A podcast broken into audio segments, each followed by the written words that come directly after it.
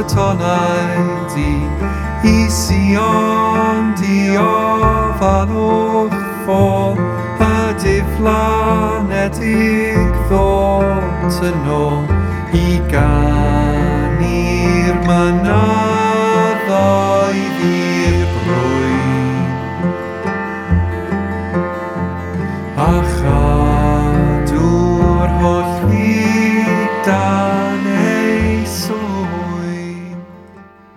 Helo a chroeso mawr i benod diweddara podlediad y busnes rhedeg yma ac i ail ran y sgwrs arbennig gyda Angharad Mair a diolch yn fawr iawn i bawb am ei sylwadau caredig ynglyn â'r rhan 1. Yn ôl arfer, bach o geddoriaeth yn agor y sioe i chi, a sengl ddiweddaraf y Gentle Good ydy hwnna, sef adfywio. Mae hwnna allan ers wrthos diwetha ac yn rhan o lansiad ymgyrch Revive Our World gan RSPB Cymru hefyd. Wel, dwi'n hynod gyffroes wrthos yma, achos mae gennau rhywfaint o rasio go iawn i drafod efo chi credwch neu beidio.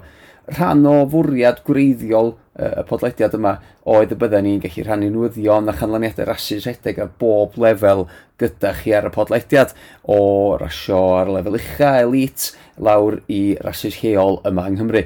Wrth gwrs, oherwydd Covid, chydig iawn o rasio sydd wedi bod mewn gwirionedd a dwi ond wedi bod yn gallu trafod rasio ar lefel uchaf un i bob pwrpas. Ond penwthnos diwetha yma, mae'n teimlo bron fel bethau tro ar fyd wedi bod. Yn anffodus, does na dal ddim modd cynnal rasus yng Nghymru ar hyn o bryd oherwydd y rheolau, ond oedd na ddwy ras dafliad carreg dros y ffin yn Lloegr y ddydd syl. Oedd y cyntaf rhain ym mhentref Pulford ger Caer, a, sydd well, llythrenol cwpl o gannoedd o lathenni dros y ffin yn Lloegr. Ac roedd yna dipyn o edrych mlaen wedi bod at y ras yma ers misoedd i ddweud y gwir wrthych chi. Marathon Elite Rexham oedd i fod yn reiddiol a, ac oedd i fod i ddigwydd nôl y mis hydref, ond oedd hynny just cyn y clo clec bryd hynny. Ac uh, bydd rhaid newid lleoliad hefyd gwpl o filltiroedd i swydd gair yn y diwedd oherwydd uh, bod y rheolau dal yn gyfyngedig yma yng Nghymru wrth gwrs. O'n i ddigon ffodus i gael lle yn y ras ac mae'n rhaid cyfadde bod hi'n brofiad arbennig iawn i fod nôl yng nghanol a wyrgylch ras eto ar ôl dros flwyddyn heb unrhyw fath o rasio. Oedd o'n brofiad rhyfedd hefyd mae'n rhaid cyfadde, e, gyda'r holl rheolau diogelwch a dechrau mewn tonnau ac yn y blaen, ond o'r rhaid canmol e, y trefnwyr y popeth yn hynod effeithiol. E, fel mae'r enw'n awgrymu, roedd safon y ras yn uchel iawn ac fel oedd o tri rhedwr i'r edrych amseroedd cymwys ar gyfer y gemau Olympaidd yn Tokyo. Enw amlwg iawn ar hyn o bryd, yr hedwr Prifysgol Caerdydd, G.X. Smith, oedd yn illydd ras y dynion mewn 2 awr 11 munud.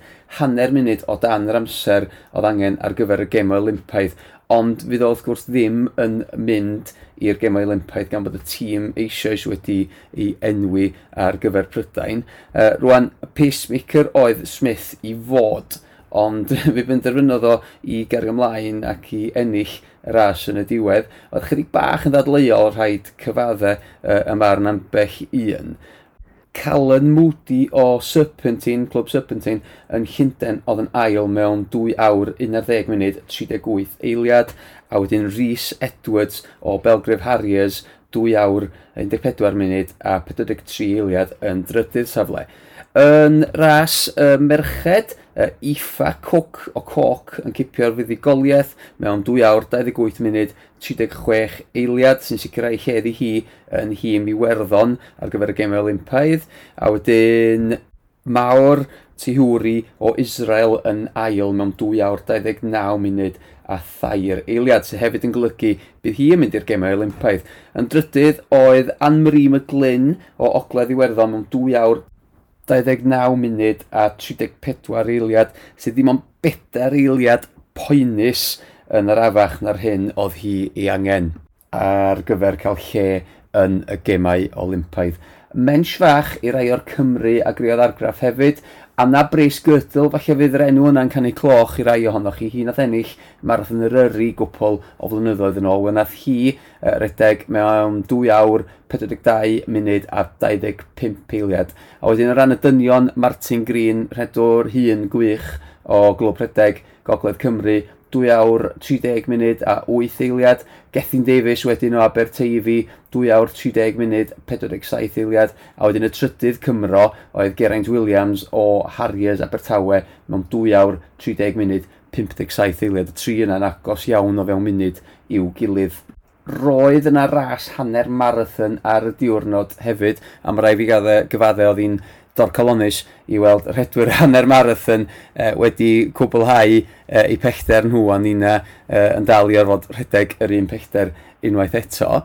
Ond o ran ras y dynion yn yr hanner marathon, Callum Johnson nath ennill a wedyn yn ras y merched Samantha Harrison sydd hefyd yn redreg e, rhyngwladol. Ras arall lle teithiodd lot o Gymru oedd y Shepherdine Marathon a hanner marathon, hefyd yn swydd Carloiw. Cwpl o Gymru yn neg uchaf y marathon, Matthew Phillips o Lanellin wythfed mewn 2 awr 39 munud a 59 eiliad. Mark Harrison wedyn hefyd o Glwb Llanelli yn y degfed safle mewn 2 awr 45 munud a 35 eiliad.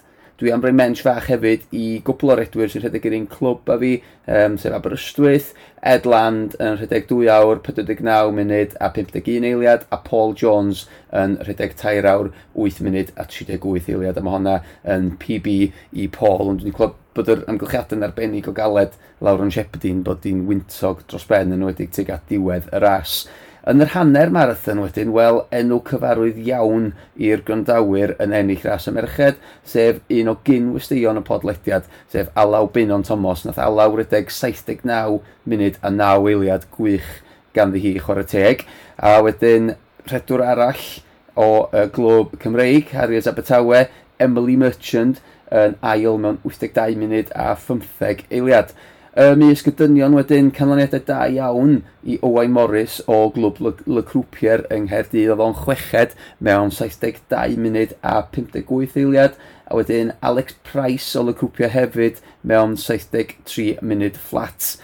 Ond y Cymro cyflymaf o'n i'n gweld o ran y canlyniadau oedd Jonathan Butler o Ben y Bont. Oedd o'n bedwerydd mewn 72 munud 24 eiliad. Lot o Gymru eraill yn rasio hefyd, ond mensh arbennig i Arwel Evans o Le Grwpier, cynwestau arall wrth gwrs y podlediad nath Arwel redeg 80 munud 51 eiliad ar dderchog Arwel.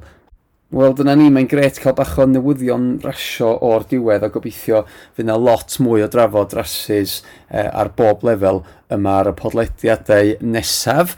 Eh, ond am tro, da ni eh, mynd i fwrw ymlaen gyda'r cyfweliad gydag angharad Mair. Ac yn yr ail ran yma o'r sgwrs, da ni'n mynd ymlaen i drafod, weli, i ad atgyfodiad hi fel redraig mewn gwirionedd, mi gymrodd i 15 mlynedd i ffwrdd o redeg eh, ar ôl cael anaf yr ddiwedd y 90au ac eh, dechrau teulu a datblygu ei gyrfa yn y cyfryngau wrth gwrs yn y cyfnod yna. Ond eh, ddoth i nôl i'r redeg wedyn a llwyddo i, wel, i greu cryn dipyn o argraff i y gwir. Felly, da ni'n mynd mlaen i, i drafod hynny a sawl peth difyr iawn arall hefyd. Felly, mlaen a ni i'r sgwrs. Be am ni ddod nôl tat y cyfnod na lle nes ti roi'r gorau i fi? Pa mor hawdd neu anodd oedd i ti i stopio yn, yn y cyfnod yna? Yn amlwg o ti di anafu yn y lle cynta, stress fracture sydd gallu cadw ti allan am gwbl o fisoedd, fel yn aml iawn, nes ti stopio am gyfnod lot hirach yn do. Be oedd, be oedd y feddylfryd di bryd hynny?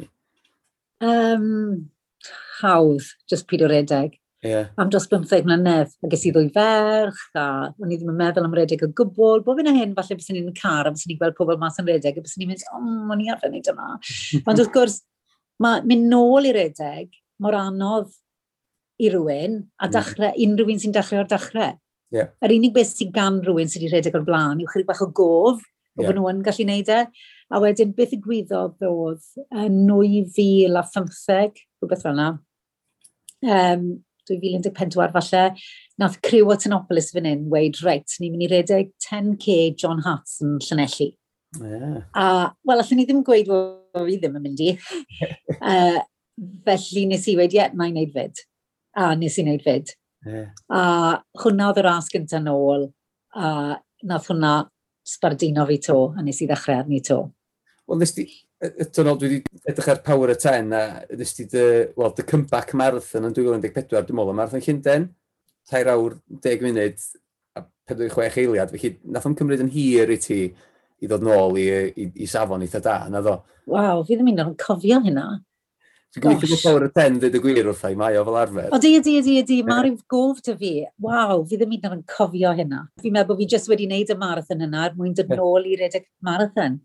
Ac oedd hmm. hynna bys ni'n dychmygu, bys ni wedi cael lle fel good for age. Good for age, bys it. A wedyn, fi'n meddwl bod y tair awr deg munud na wedyn, y flwyddyn ganlynol wedi rhoi lle i fi fel championship race, maen nhw'n yeah. o fe, sef beth yeah. y ti wedi llwyddo i wneud hefyd. Ti'n iawn, bydde hwnna, dwi'n meddwl, i ferch bydde tair awr deg munud yn sicr yn lle championship yeah. bydde, felly yeah. amser arbennig o ddau, fe ystyried bod ti wedi bod allan o'r gamp am, am gyfnod mor hir, i ddod nôl i'r safon yna'n syth, fel ti'n dweud, mae'n rhywbeth cynhenid yn does yn, yn, yn fo. Ie, yeah. Ie, yeah, a, a mae'n siŵr bod fi wedi dechrau marfer yn galed eto, mae'n siŵr bod fi wedi mynd i ôl yn llyfr well, y Beibl a di meddwl, reit, sut dwi'n mynd i wneud hyn? Oedd o ti'n ôl o dan y dair awr ebyn y flwyddyn gymlynol uh, yn ôl y, y cofnod sy'n gynnau fan hyn, yn rhedeg 2 awr 58 munud a 57 eiliad yn, yn Llynden, ond cyn hynny nes di Marthyn yr Yrru hefyd?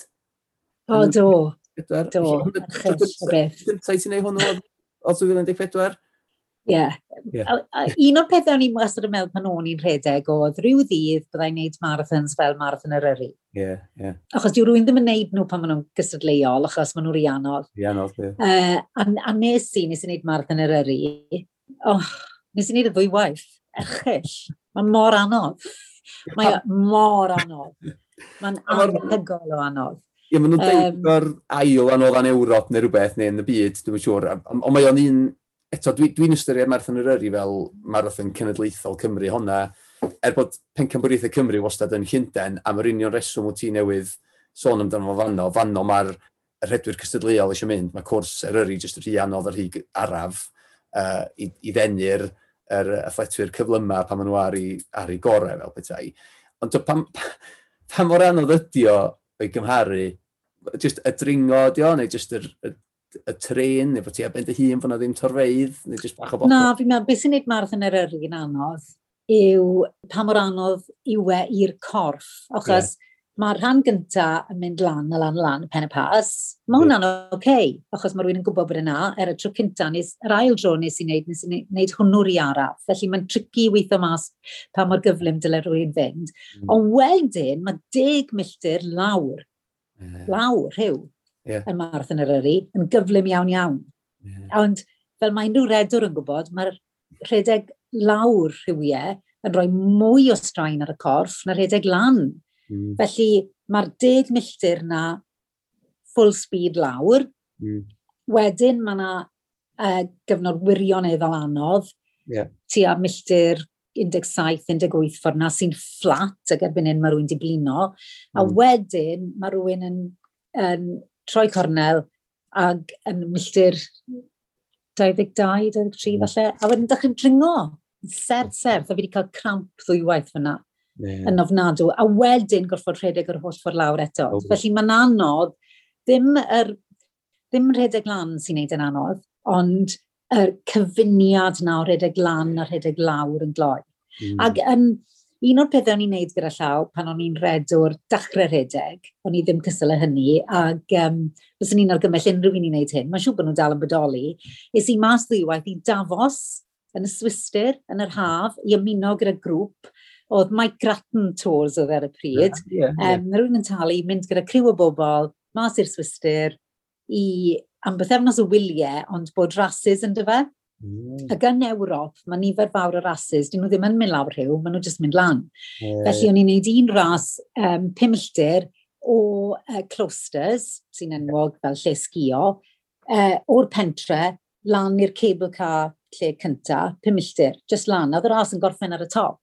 Mm-hmm. dyn nhw ddim yn rhedeg lawr cymaint â ni yn Ewrop. A wedyn oedd na ras um, deunaw milltir hefyd, oedd dwy ras, un ultra, oedd yn mynd i ben y mynyddodd i gyd, a wedyn ras deunaw milltir hefyd, oedd chydig bach fel marth yn yr yr un yn gwirionedd o ran lan y lawr chydig bach.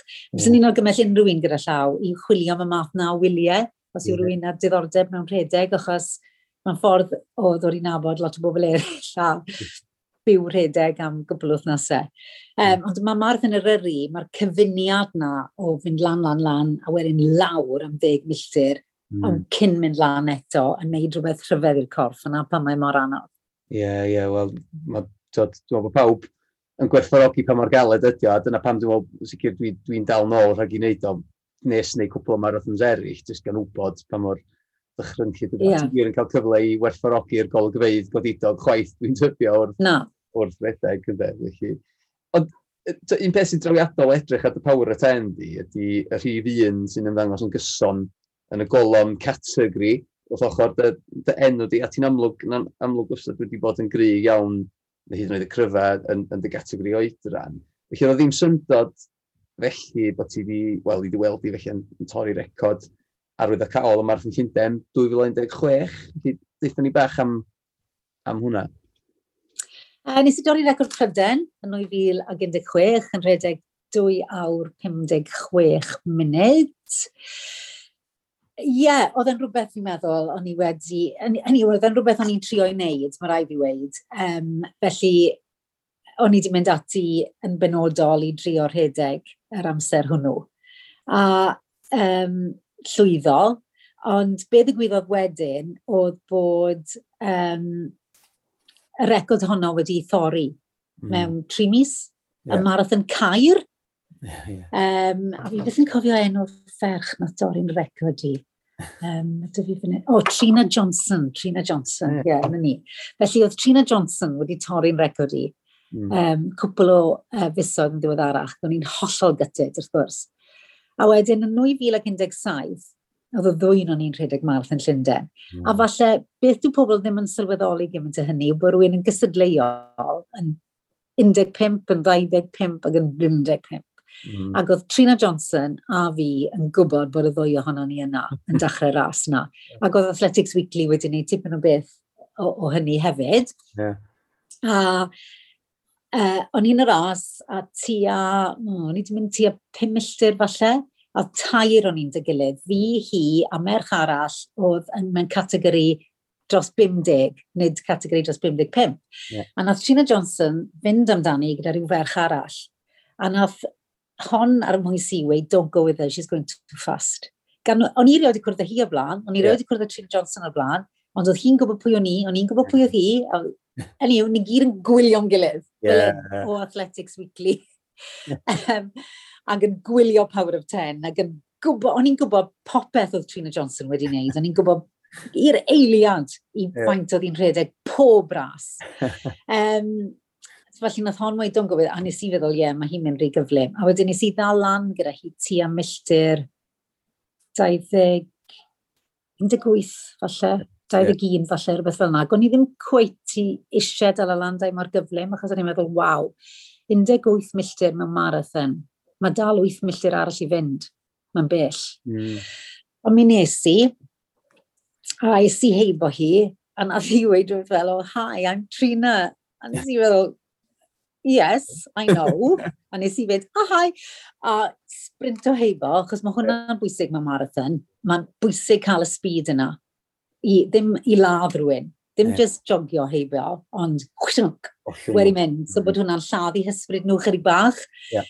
A nes i ddal, a wedyn yn diwedd fi'n meddwl, oedd hi ddim lot ar yn holi yn y diwedd o gwbl. Mm. Um, ond nes i giro'r diwrnod hwnnw 2 awr 54, ac wrth wneud hynny nes i dorri record Ewrop hefyd. Felly mm. o'n i'n hollol chyfft gyda hynny. Oedd record y byd yn 2 awr 52 munud. Yeah. Um, oedd record Ewrop yn rhywbeth fel 20, 2055, felly nes i dorri record Ewrop. Mae record Ewrop wedi mynd erbyn e. ni, yeah, right. yn anffodus. Yeah. Uh, ond fi sy'n berchen record Prydain o hyd. Ond yn y ras honno, nes i ddilyn um, ffordd arall o marfer, yr Hansons, sy'n eitha yeah. anmog am ffordd o marfer. A nes i roi'r gorau iddi ar ôl y ras honno, achos fi'n meddwl yn seicolegol. Mm. O'n i wedi mynd. Mae'r ffordd Hansons o ymarfer lot, lot yn oddach na'r ffordd o'n ni fel arfer yn ymarfer. Mm. Mae'n ma na dri diwrnod yr wythnos lle mae yna redeg anodd. Mm. A un o'r pethau o'n i'n neud oedd warm-up dwy filltir, um, rhedeg 10 milltir marathon pace. So mm. i redeg dwy awr 50 rhywbeth, mae'n 6 minutes 30. Yeah. So ar yr hewl, o'n i'n mynd nôl ymlaen, nôl ymlaen, nôl ymlaen, 6.30, 6.30, 6.30, a wedyn dwy filltir o warm down ar y diwedd. Mae hwnna'n anodd. Yn seicolegol, mae hwnna'n anodd. Ond ti'n modd, cyn i ni ddechrau'r podlediad yma, o ti'n sôn am bod ti'n rhoi bursts mewn pan ti'n neud 20 milltir, gallen ni ddim wneud hynna. Yeah. I fi, 20 milltir, rhedeg 20 milltir i fi 20 milltir. A, oce, okay, dyw rhywun ddim eisiau gwneud yr i araf, ond yn seicolegol, bys ni'n ffindio fe'n anodd iawn i weid, reit, fi'n mynd i wneud 5k yng nghanol yr 20 milltir ma'n gyflym. Yeah. Ond oedd y tempo runs ma o'n i'n wneud, 8 milltir, 10 milltir, mm. uh, marathon pace, waw, ma, hmm. o'n nhw'n anodd. O'n i'n ffindio nhw'n anodd. Ac ar ôl hynny, nes i stopio wedyn rhedeg yn gyfan gwbl eto, mm. nes y cyfnod clo, llynedd. A sa'n meddwl bys ni wedi mynd nôl i redeg byth yn y mywyd i. O'n i hmm. bai Mm. Bod hmm. cyfnod clo, oedd rhywun mond yn cael ymarfer unwaith y diwrnod, oedd y tywydd yn hyfryd, ac oedd hi'n neis bod mas eto. Ac yeah. o'n i'n nôl yn rhedeg mi'n filltir mewn 9 munud 45 beiliad neu rhywbeth, horrific. Ond yn ara bach, fi wedi dechrau dod i ymarfer eto. Be sy'n ddifur nawr yw bod fi wedi gwneud yr holl ymarfer yma mm. ers, ers nadolig. Ers nadolig, fi wedi bod yn ymarfer fel tysyn ni'n ymarfer ar gyfer hanner marathon. No. Ac wrth gwrs, does dim rhasys o gwbl, nag se? Na park run a dim byd. Na. Felly pwy o wir siwr fi'n neud, ond ers nadolig fi wedi bod nôl yn ymarfer, fi wedi dechrau eto ar hwn.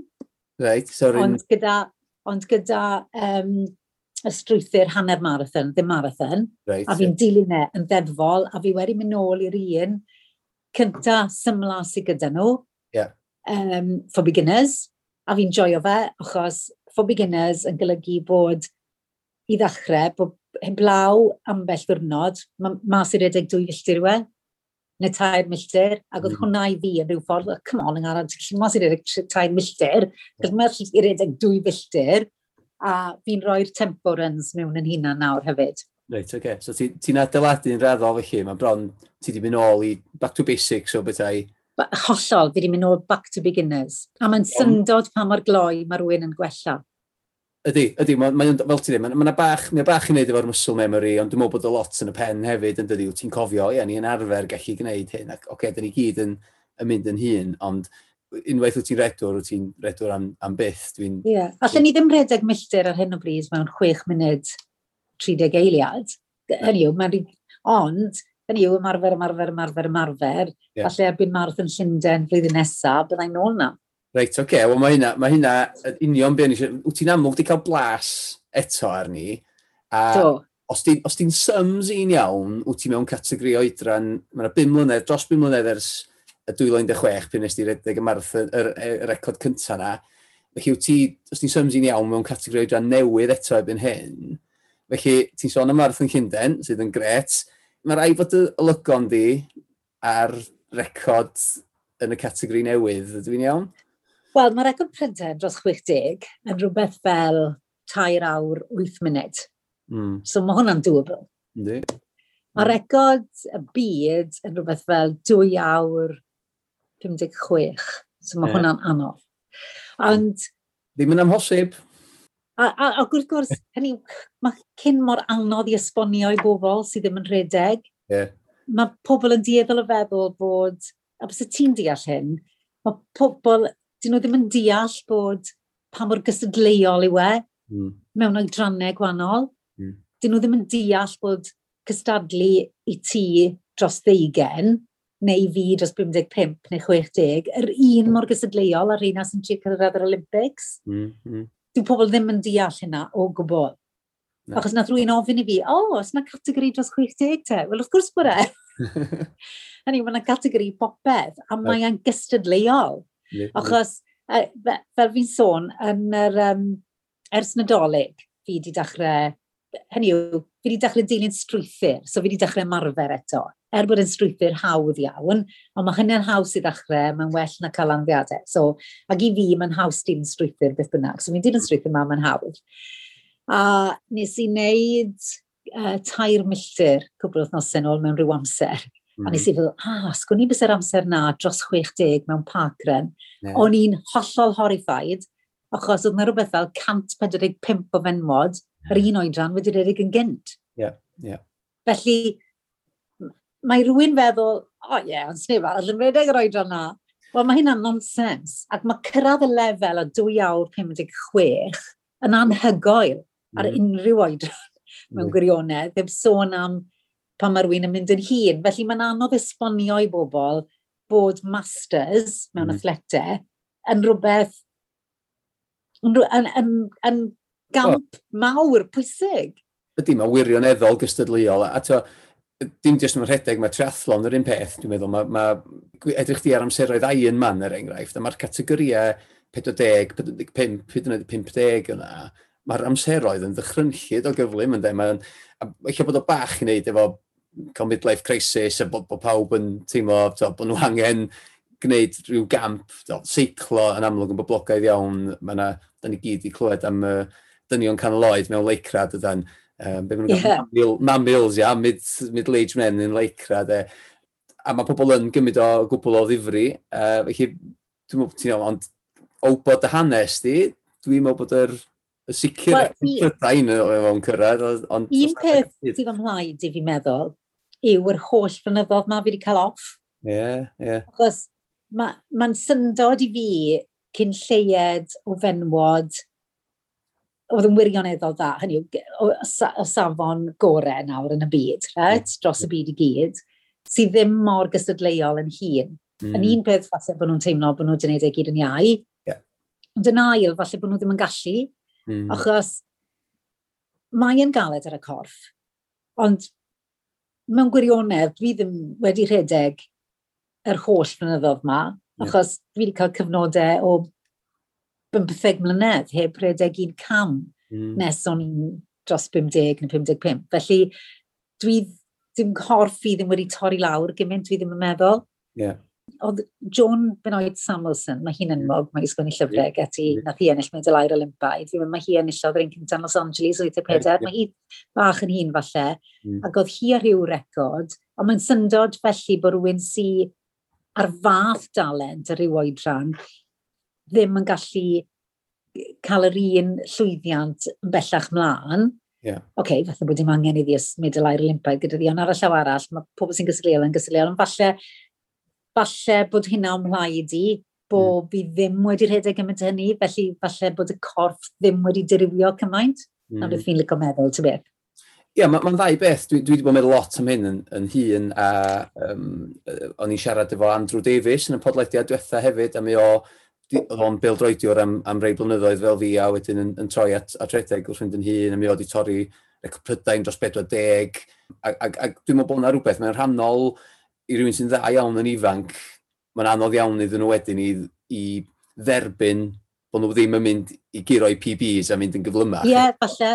Yeah. Mae o'n rhywbeth seicolegol o ffatig uh, meddyliol na, dwi'n meddwl di un peth, yeah. ond hefyd y ffatig corfforol na'r holl filltiroedd na blwyddyn ar ôl blwyddyn, uh, mae o'n mynd i gael effaith tymor hir. Ag yeah.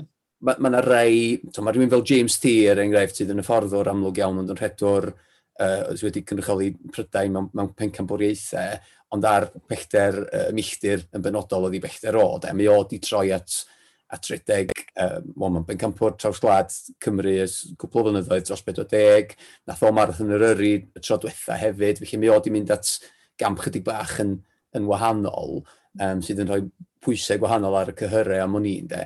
Okay, ond na, mae di'n haro i bod lot o redwyr sy'n dda iawn pan maen nhw'n ifanc ddim yn dal ati wrth fynd yn hun, lle eich i'n dychmygu stopio rhedeg byth a, a, a falle cael egwyl a, a troi at rhywbeth arall, mae hynny'n rhywbeth eitha iach, dwi'n meddwl am gyfnod. Ond fel ti, a, a dwi'n siŵr falle geid i egwyl yn y dyfodol rhywbryd eto, ond dwi'n siŵr fydd i di yn troi nôl at rhedeg rhywbryd, achos mae o fel da ni wedi dweud sawl gwaith yn rhywbeth cynhenid yn rhywun, mae o'n... Yeah. Da ni'n bostad yn mynd nôl ato fo yn y pen draw, ynddo, felly hwnna'n yn difyr iawn i'w glywed. Felly, be, be di dy gynlluniau di tu hwn, tu hynny o ran rhedeg? Os gen ti rhyw uchelgeisiau, dwi'n meddwl bod y recordiau categori oedra mae'n sicr ar dy feddwl di ac yn mynd i barhau i fod yna. Ond os gen ti'n rhyw gynlluniau eraill, ti sôn am y ffordd i hanner marathon yn benodol, felly wyt ti'n ti edrych ar y pellteroedd byrach na? uh, yn fwy na ma? Na, na, na, na, na. Just stepping stones bys yr ein. Um, bys ni yn licio rhedeg hanner marathon Cyrdydd. Mm. Uh, 1 awr 26 yw record Pryden. Fi ddim yn gwybod bys ni'n gallu gwneud eleni yn falle flwyddyn nesaf. Achos i fi, allan ni ddim mynd mas i redeg er mwyn cadw'n heini. Mm. Bys ni'n ffindio fe'n boring. A bys ni ddim yn neud e.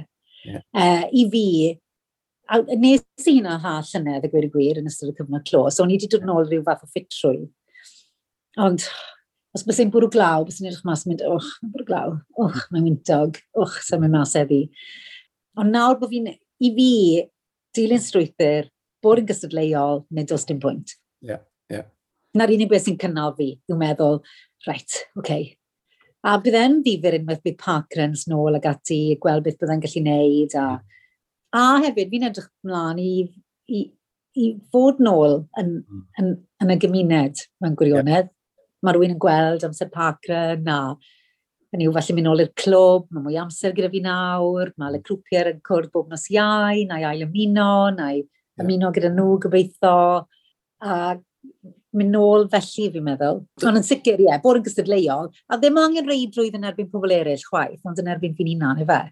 Ie, yeah, yeah, a, dwi, a hwnna di'r peth, ynddo, ti, chi di fod yn gystadleuol efo ti dy hun yn ogystal ag, ag efo pobl eraill, ond dwi'n union y beth a ti angen rhyw fath o darged, ynddo, a dyna, dyna sydd bod yn anodd iawn dros y, y flwyddyn diwetha neu'n wedig, ydy, wel, mae'n anodd iawn gosod targed, achos does na ddim rasio di bod, ond wedyn ar gefn y meddwl, mae rhywun yn meddwl, o, falle mis nesaf, byddwn ni yn gweld bethau'n llacio a bydd yna rasis a mae rai fi fod mewn siap da ar gyfer hynny. Felly hynny sydd wedi cadw fi a lot o redwyr eraill i fynd, dwi'n siŵr, ond ia'r un peth a ti, mae ma neidio ar y beic falle yn, yn lot mwy pleserus na mynd allan i, i hyfforddi'n galed o ran just cadw'n ffit. Ag, ag, a to, mae'n mae rhoi llai o, mae, mae llai o risg o anaf ag ati hefyd. Ynddo. Ond, ond hefyd mae'n braf weithiau just mynd allan yn gynnar pan mae'n braf fel tywydd ar hyn o bryd yn enwedig a just bod allan yn yr awyr iach. O di, o di, yna'r pwynt, ie, yeah, yna pan fi'n teimlo mor lwcus bod fi'n ôl, achos mae mm. hynna,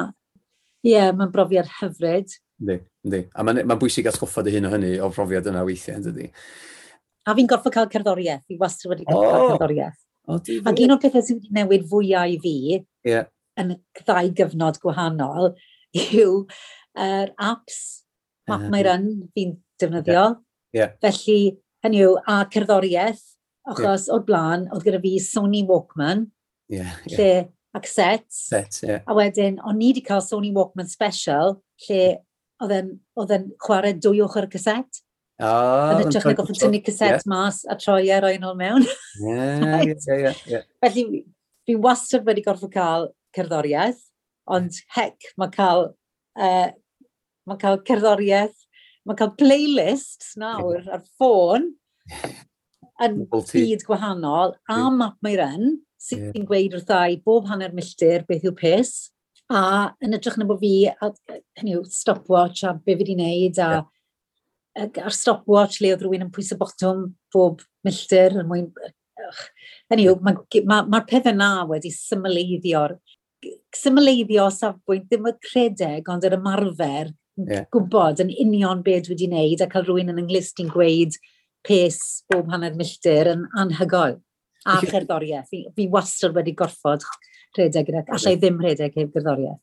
A mi na ddifur i glywed, dwi'n siŵr bod lot o'r edwyr cystadleuol fysa nhw ddim yn gwrando ar gerddoriaeth, dwi'n gwybod, os eich bod hi'n cyffredinoli fanna, de, ti'n gwybod, ond swn i'n meddwl bod nhw'n goffod cloi mewn i'r i'r zon. Na, ma, i wastad wedi gorfod cael cerddoriaeth. Eriod, eriod, eriod. A na'r unig beth i fi wedyn mewn ras, does dim hawl cystadlu a chael cerddoriaeth.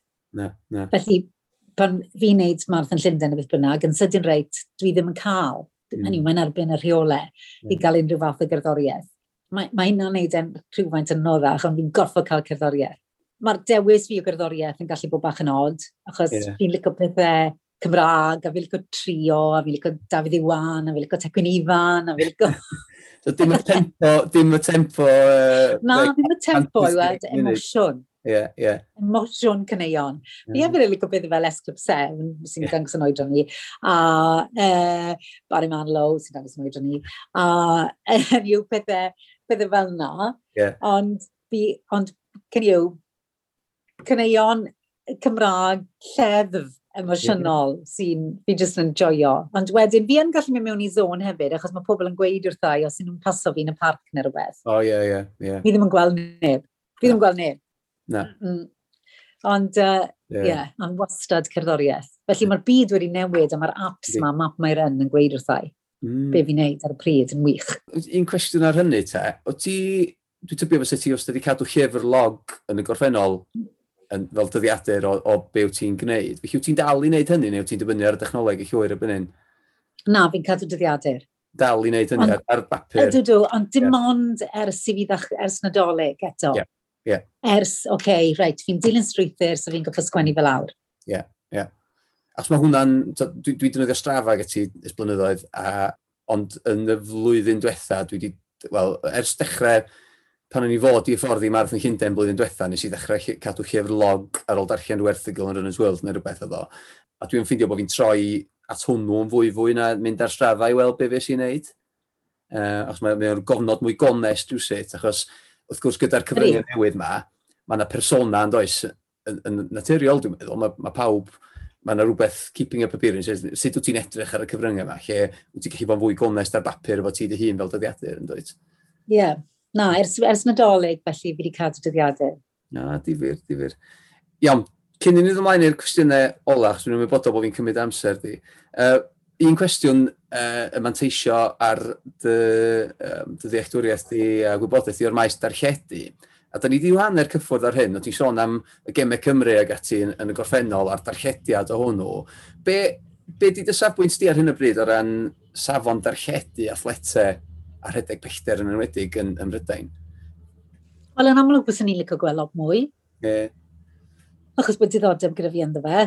Ond um, o'n i'n siarad yn weddol ddiweddar, lle dylen ni ddim i enwi fe, mm. ond gyda un o sele selebwyr Marathon Llundain, yeah. ac o'n i'n digwydd sôn o'n i, cwyno, gofyn pam, mm. yn i'w, i, i fi yn gwylio Marathon Llundain, beth fi eisiau gweld yw nid yn unig y rai o Kenya neu Ethiopia neu ble bynnag, falle sy'n ennill y ras. Mm. Ond fi eisiau gweld y ras Brydeinig hefyd. Yeah, yeah. Rai sy'n ar y blaen o Bryden. Hynny yw y rai y goreion ym Mhryden. Fwy nag ydw i eisiau gweld y rai mewn gwisg ffansi.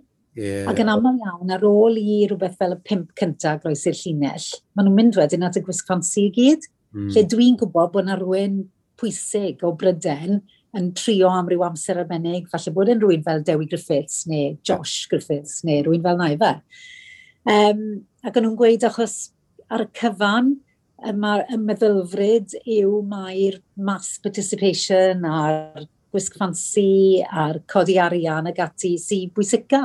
Mm. Um, ond wrth gwrs, os yw rhywun yn rhedeg, nid dyna beth sy'n bwysica. Felly, bys ni'n licio gweld math gwahanol o ddarlledu, Mm. A hmm. bysyn ni'n gweld, licio gweld mwy ohono fe, wrth gwrs y bys ni. Yeah. Bysyn ni wrth y modd os bysyn mwy o athletau, ond yn anffodus, mae'n un o'r campau na sy bob amser wedi bod yn weddol glawd, fi'n meddwl, o safbwynt yeah, yeah. uh, darlledu, a falle fwy nawr nag eriod o'r blaen.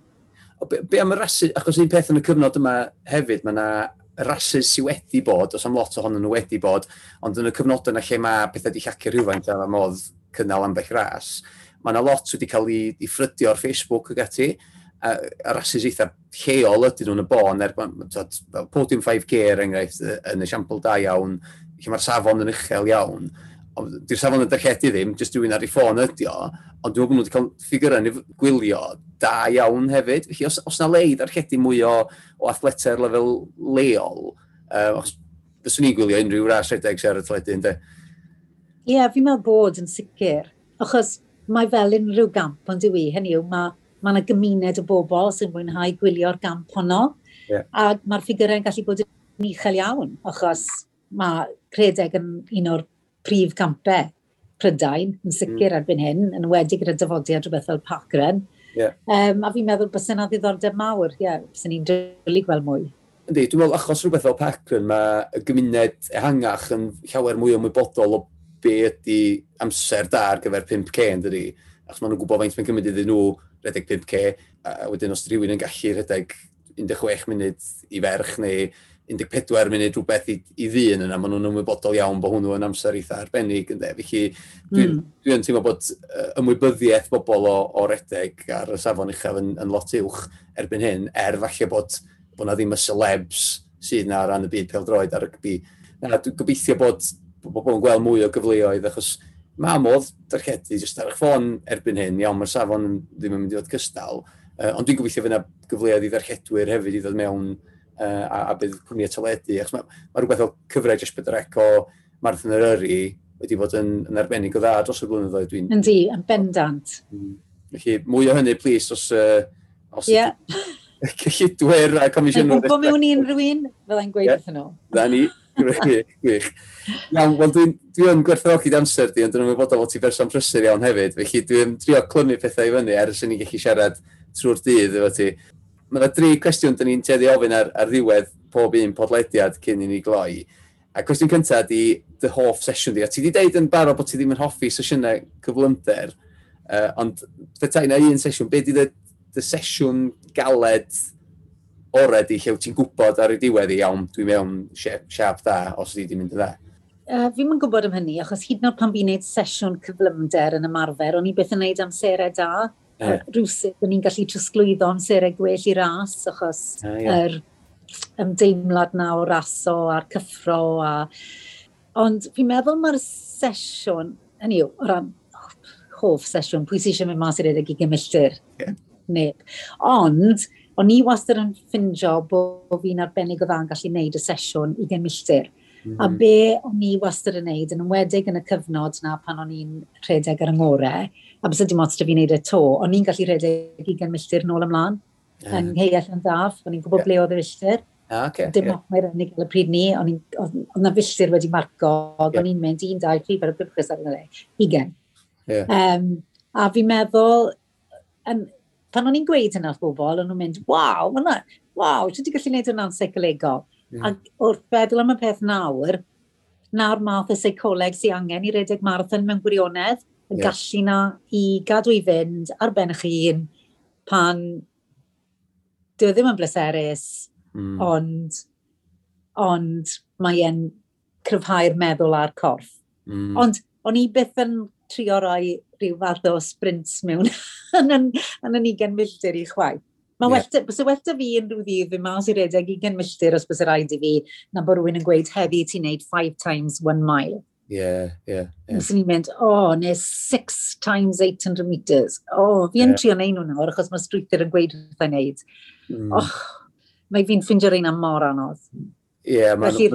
Felly. Fi'n siŵr bys ni, fi'n gwybod bod fi'n swnio fel bod fi'n canmol ni na fan hyn, fi'n siŵr bys ni wedi bod yn red, red ultra eitha da achos fi'n gallu cadw i fynd yn weddol araf am amser hir. Oedd hynny'n rhywbeth o'n i wedi meddwl gofyn i ti'n gynt o ran dy gyllunio di'n y dyfodol, ydy rhywbeth fel ras ultra yn rhywbeth fysa'n apelio? Falle bysau fe, ond dim ond achos fi'n meddwl mae'r ffordd fi'n ymarfer, yeah. fi'n fi fi meddwl mae na ble bysau ni falle naturiol ore. Yeah. Fi'n rhywun sy'n gallu cadw i fynd yn hytrach na rhywun cyflym.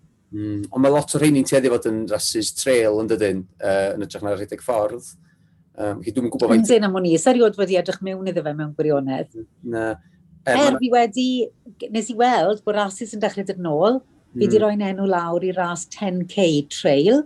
Ah. Dechrau'n cyrffili. yeah. mis Gorffennaf. Uh, felly, o'n i'n meddwl, o, wel, bys hwnna'n ddifur, achos yeah. y peth da am redeg trail, yw dyw rhywun ddim yn edrych am amser wedyn, felly jyst dim yeah. pressure. Mae'n jyst yn anodd. Felly bys yma'n ymarfer da. Ydy, wyt ti jyst yr asio nebyn y person nesaf mewn ffordd yn dweud? Ie, ie. Sicr yn, yn dda i gymysgu'r uh, y natur uh, y cyrsiau mae fyny yn sicr. Ynddi. Gwych, iawn. O, fy hwnna'n dod o'i gwestiwn nesaf felly. Dy hoff le di i redeg, sydd ti'n cael dewis un lle, wel, lle bod ti wedi awgrymu hyn yn barod, ydy'r gwir, ond lle fysa ti'n dewis i fynd i redeg, sydd ti'n cael dewis unrhyw le yn y byd? O, oh, wel, fi'n meddwl mae'n hoff le i redeg yw Cyrdydd. Fi'n meddwl mae ochos fyna o'n i'n neud yn ymarfer i gyd yn y 90au. Fyna fi'n byw nawr. Mm. Um, uh, uh, Ceir Castell, Llandaf, Pont Cana, ar hyd yr afon fyna. Mm. Fi'n neud y bob dydd, neu mwy neu lai bob dydd. Fyna oedd y filltir. Mae mor hyfryd yna.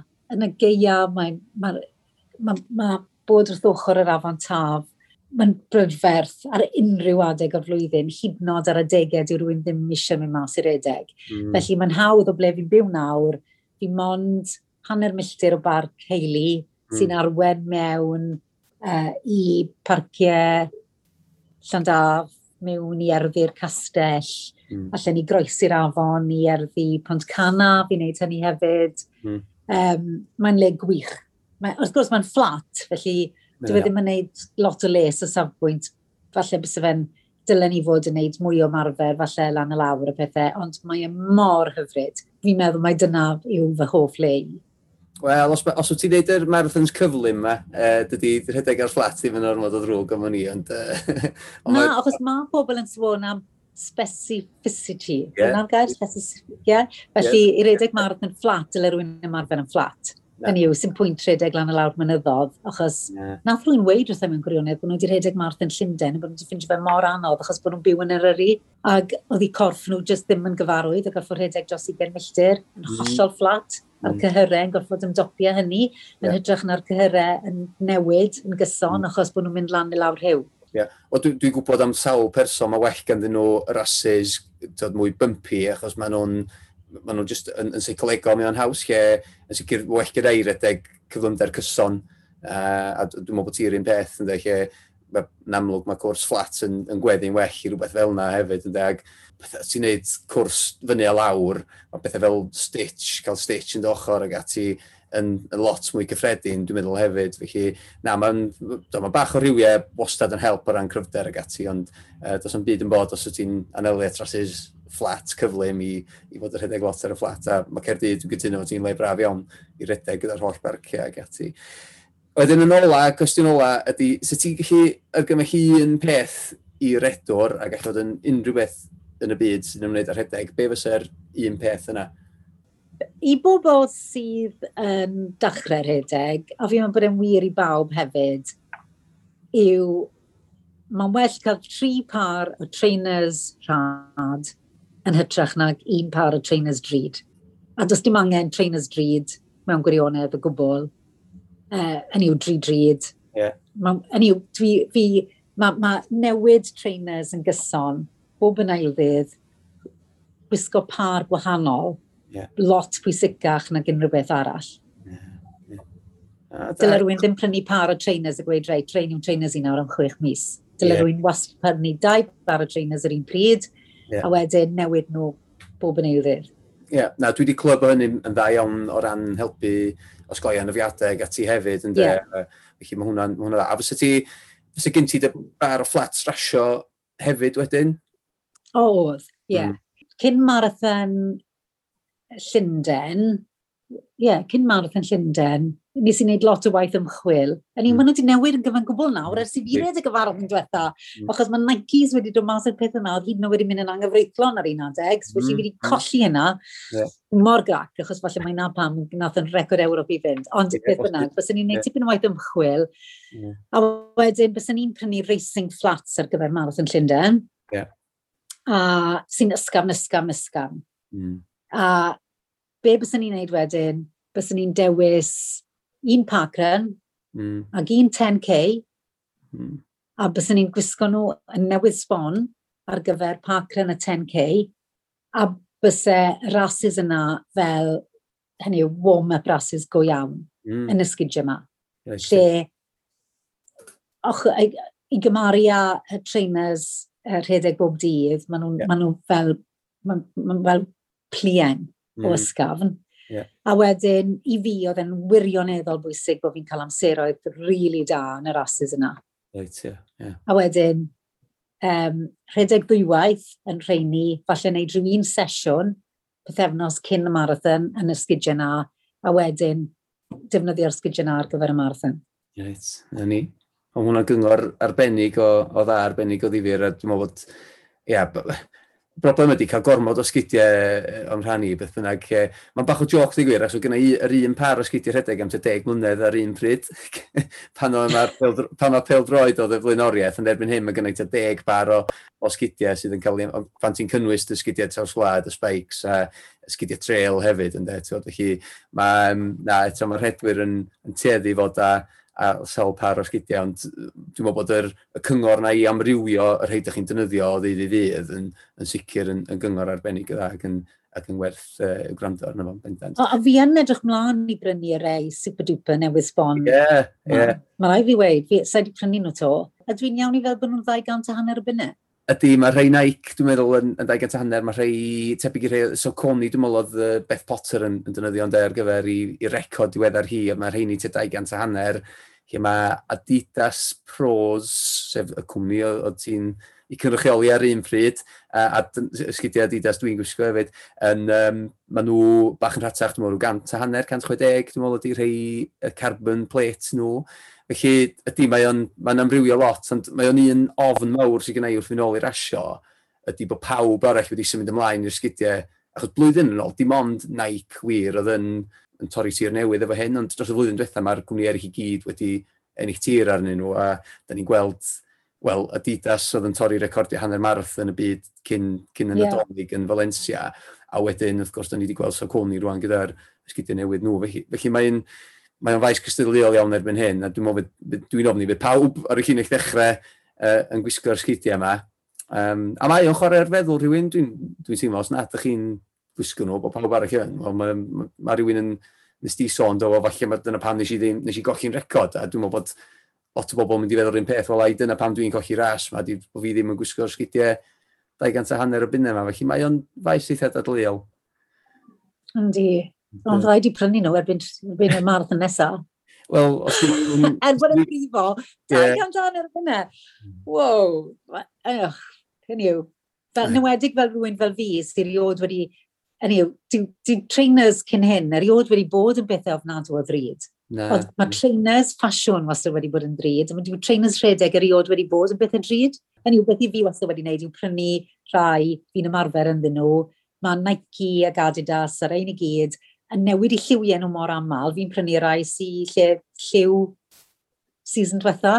Ie, yeah, ie, yeah, ie. Yeah, yeah. Felly maen nhw hanner y pris, mm. achos mae ffasiwn yw lot ohonyn nhw. Yeah, so mas fi pa liw fi'n gwisgo yma am yn rhad pan fi'n mynd mas i'r edeg, ond mm. mae'r lefel wedi newid yn gyfan gwbl yn amlwg, a fi yn edrych mlaen i, i drio nhw, i weld beth aw. ond hec, ti'n modd, fi'n meddwl ar y dydd, gwed ti, i ti nawr, yn rasol, fi'n meddwl yn y pen draw yn seicolegol, ti'n goffa sefyll ar y llinell na, meddwl na fi wedi ymarfer cystal y mm. bob one jack fan hyn. Yeah, Ond nid dyw e ddim byd i wneud â yn y pen draw. Na. Yr ymarfer yw e yn y pen draw. Yn bendant. Ie, yeah, dos o ddim, dos o ddim shortcuts yna goes, mae rhaid wneud y gwaith caled er mwyn llwyr. Na. Ie. Yeah. Gwych, wel, Ngharad, dwi wedi cymryd i gynnod amser iaw, dwi wir yn gwerthfarogi, a o'n i gwybod fysa'r sgwrs yn mynd i sawl cyfeiriad unwaith oedden ni'n ni dechrau, achos nes ti gymaint o stwff difyr yn ystod dy yrfa. Dwi'n siŵr bod yna lot mwy i ddod hefyd. Felly, pob hwyl gyda'r ymarfer. Ac, uh, gyda... Wel, a ti.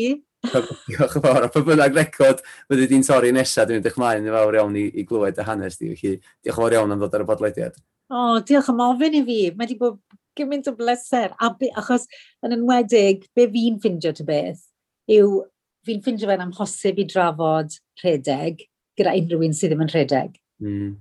Achos mae'n boring i bawb arall.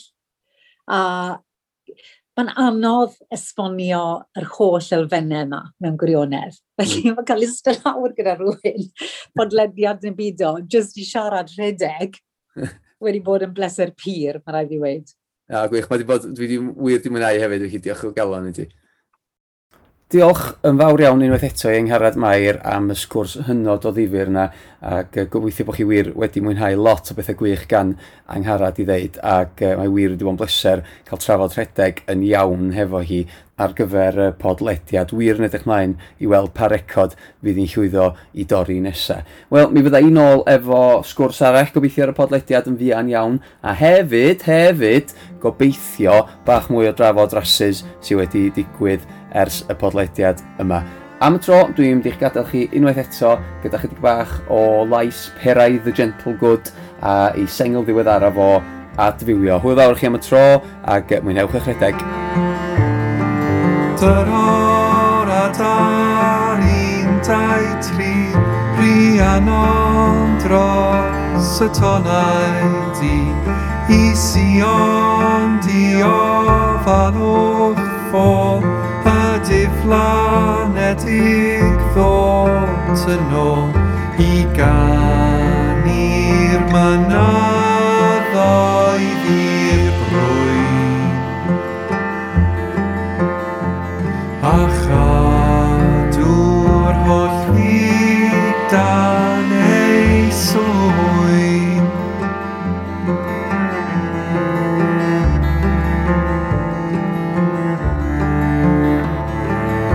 petato braseri